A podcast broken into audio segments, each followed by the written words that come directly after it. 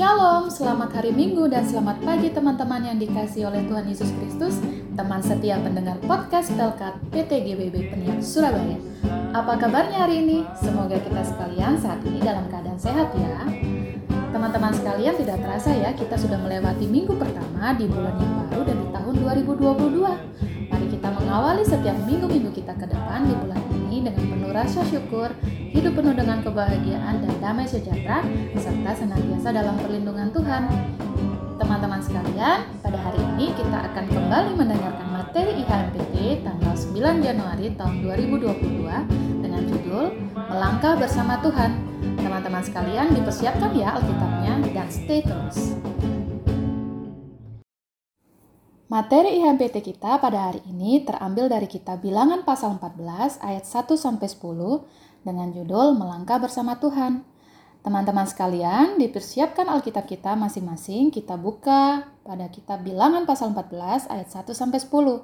Kalau sudah ketemu, dibiarkan Alkitabnya terbuka. Mari kita satu dalam doa sebelum kita membaca dan merenungkan firman Tuhan. Kita mohon pimpinan Roh Kudus.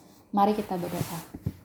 Bapa yang maha baik dan maha pengasih, Bapa yang kami sembah di dalam Yesus Kristus Tuhan dan Juru Selamat kami yang hidup, Puji dan syukur Bapa kami naikkan kehadiratmu untuk setiap penyertaanmu dan kasihmu yang selalu tercurah di dalam hidup kami hingga pada saat ini. Bahkan terlebih kami boleh memasuki tahun yang baru tahun 2022 ini, di mana Engkau masih mempercayakan bagi kami nafas kehidupan. Di minggu pagi ini Bapa, kami anak-anakmu rindu untuk membaca dan merenungkan setiap firman-Mu. Kami mohon tuntunanmu Bapa agar kami boleh memahami setiap firman yang akan kami renungkan hari ini, sehingga dapat menjadi pelita dan terang bagi kaki kami melangkah menapaki kehidupan kami sehari-hari.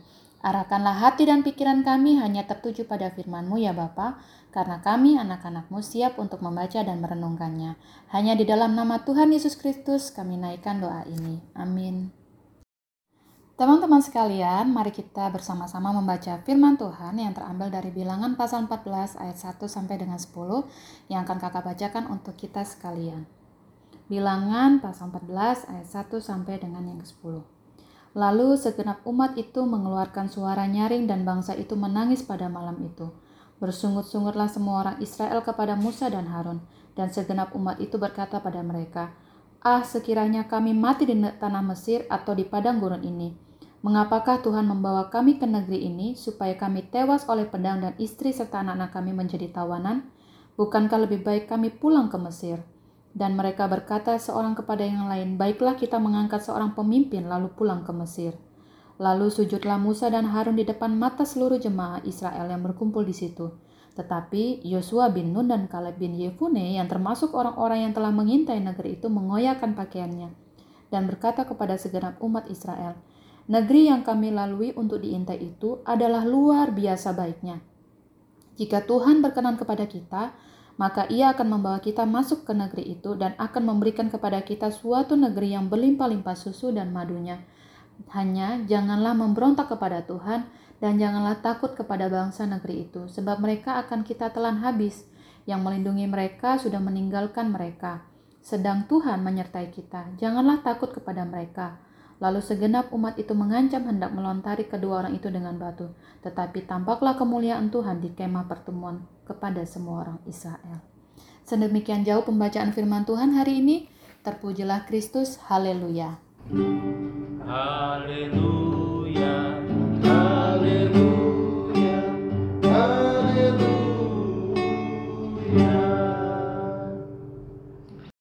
Teman-teman, judul perikop pembacaan kita hari ini adalah Melangkah Bersama Tuhan.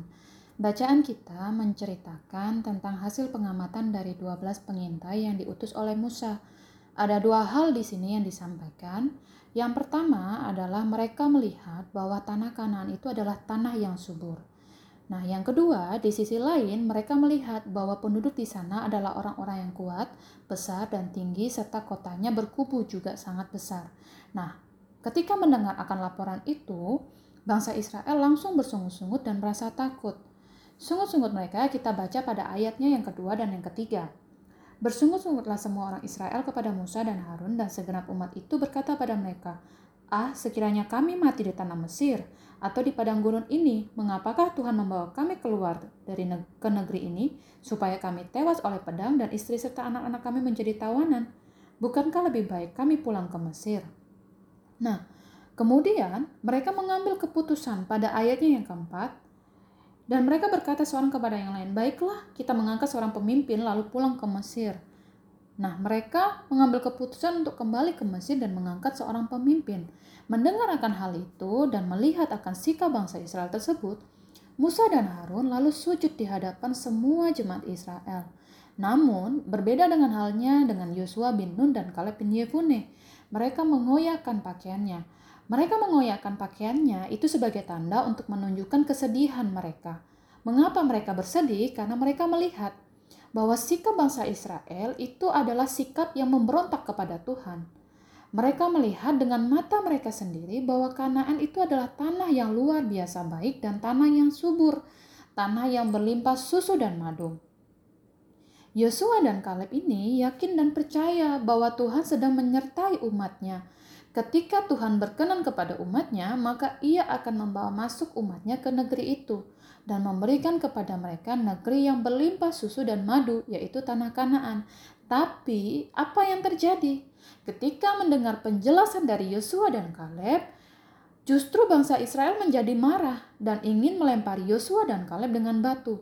Tapi kemudian Tuhan menampakkan kemuliaannya di kemah pertemuan sehingga membuktikan bahwa pernyataan Kaleb dan Yosua itu benar adanya bahwa Tuhan itu selalu ada bersama dengan umatnya, yakni bangsa Israel.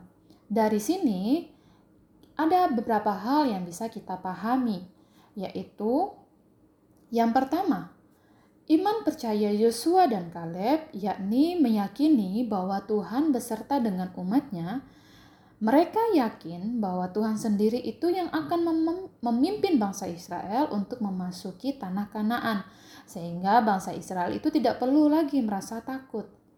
Yang kedua adalah ketakutan bangsa Israel sendiri yang membuat mereka bersungut-sungut sehingga ingin kembali ke tanah Mesir dan jadinya mereka memberontak kepada Tuhan.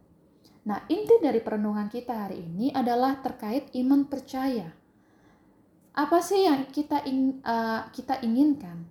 Apakah kita ingin menjadi seperti bangsa Israel yang sudah takut terlebih dahulu, kemudian bersungut-sungut dan tidak yakin bahwa Tuhan itu beserta dengan umatnya, sehingga menjadi pemberontak?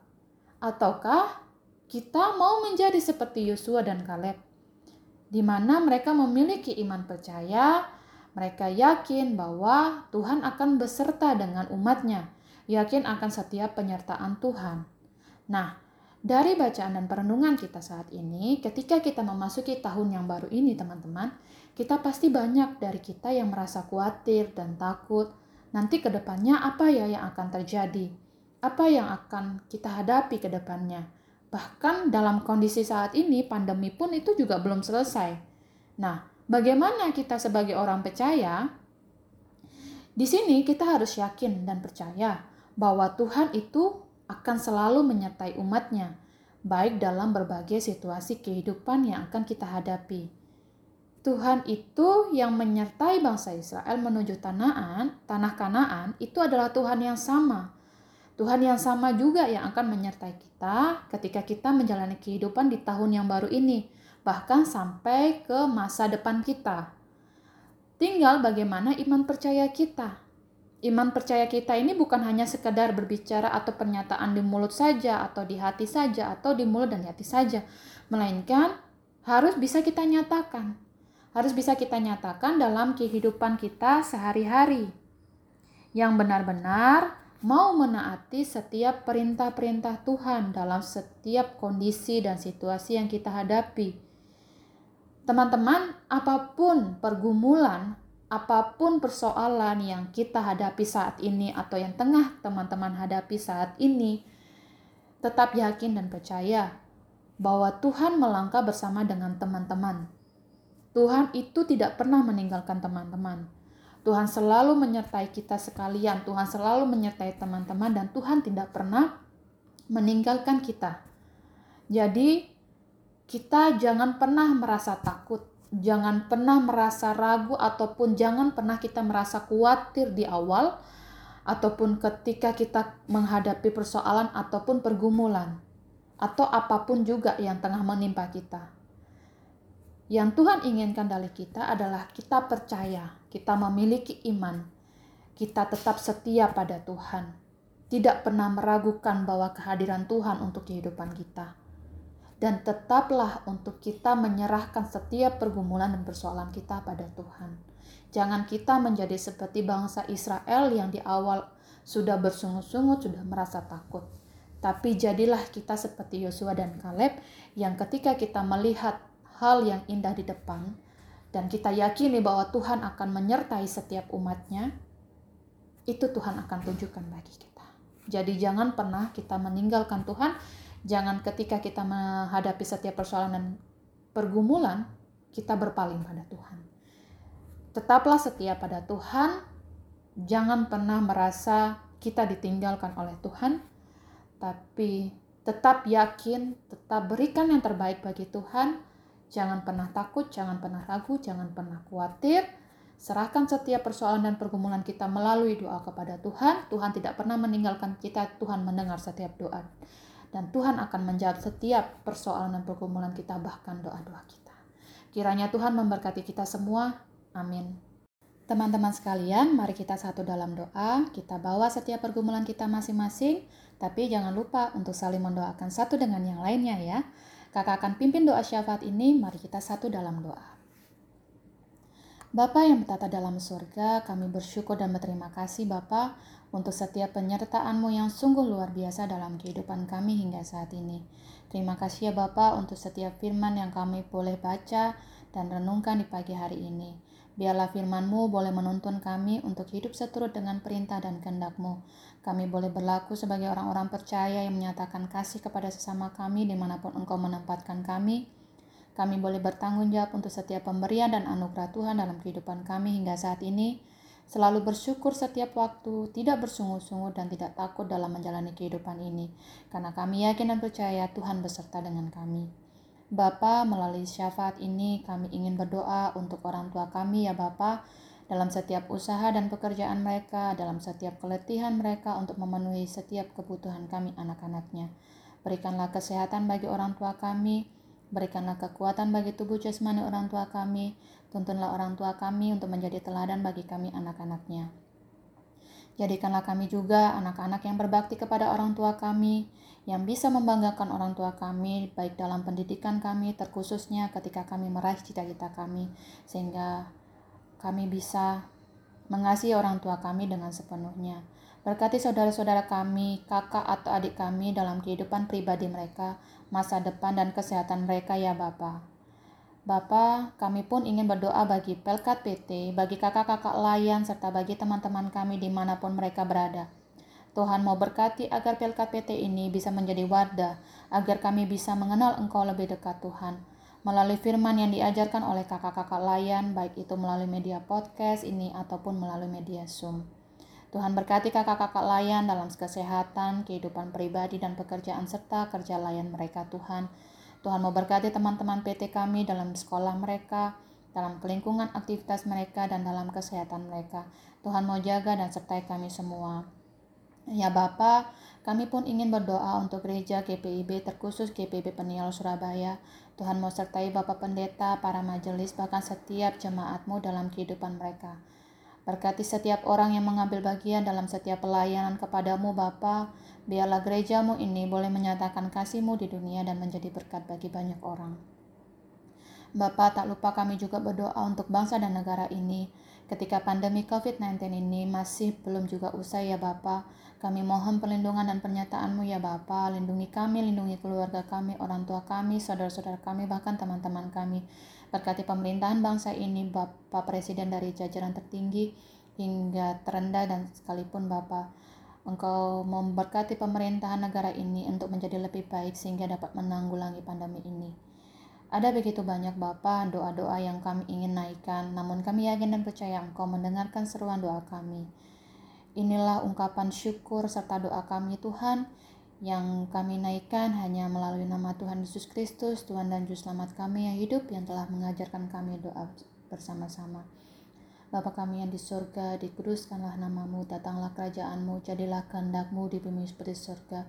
Berikanlah kami pada hari ini makanan kami secukupnya dan ampunilah kami akan kesalahan kami seperti kami juga mengampuni orang bersalah pada kami. Dan janganlah membawa kami dalam pencobaan tetapi lepaskanlah kami daripada yang jahat. Karena engkau yang punya kerajaan dan kuasa dan kemuliaan sampai selama-lamanya. Amin. Teman-teman teruna sekalian, mari kita bersama-sama menyanyikan Mars Teruna.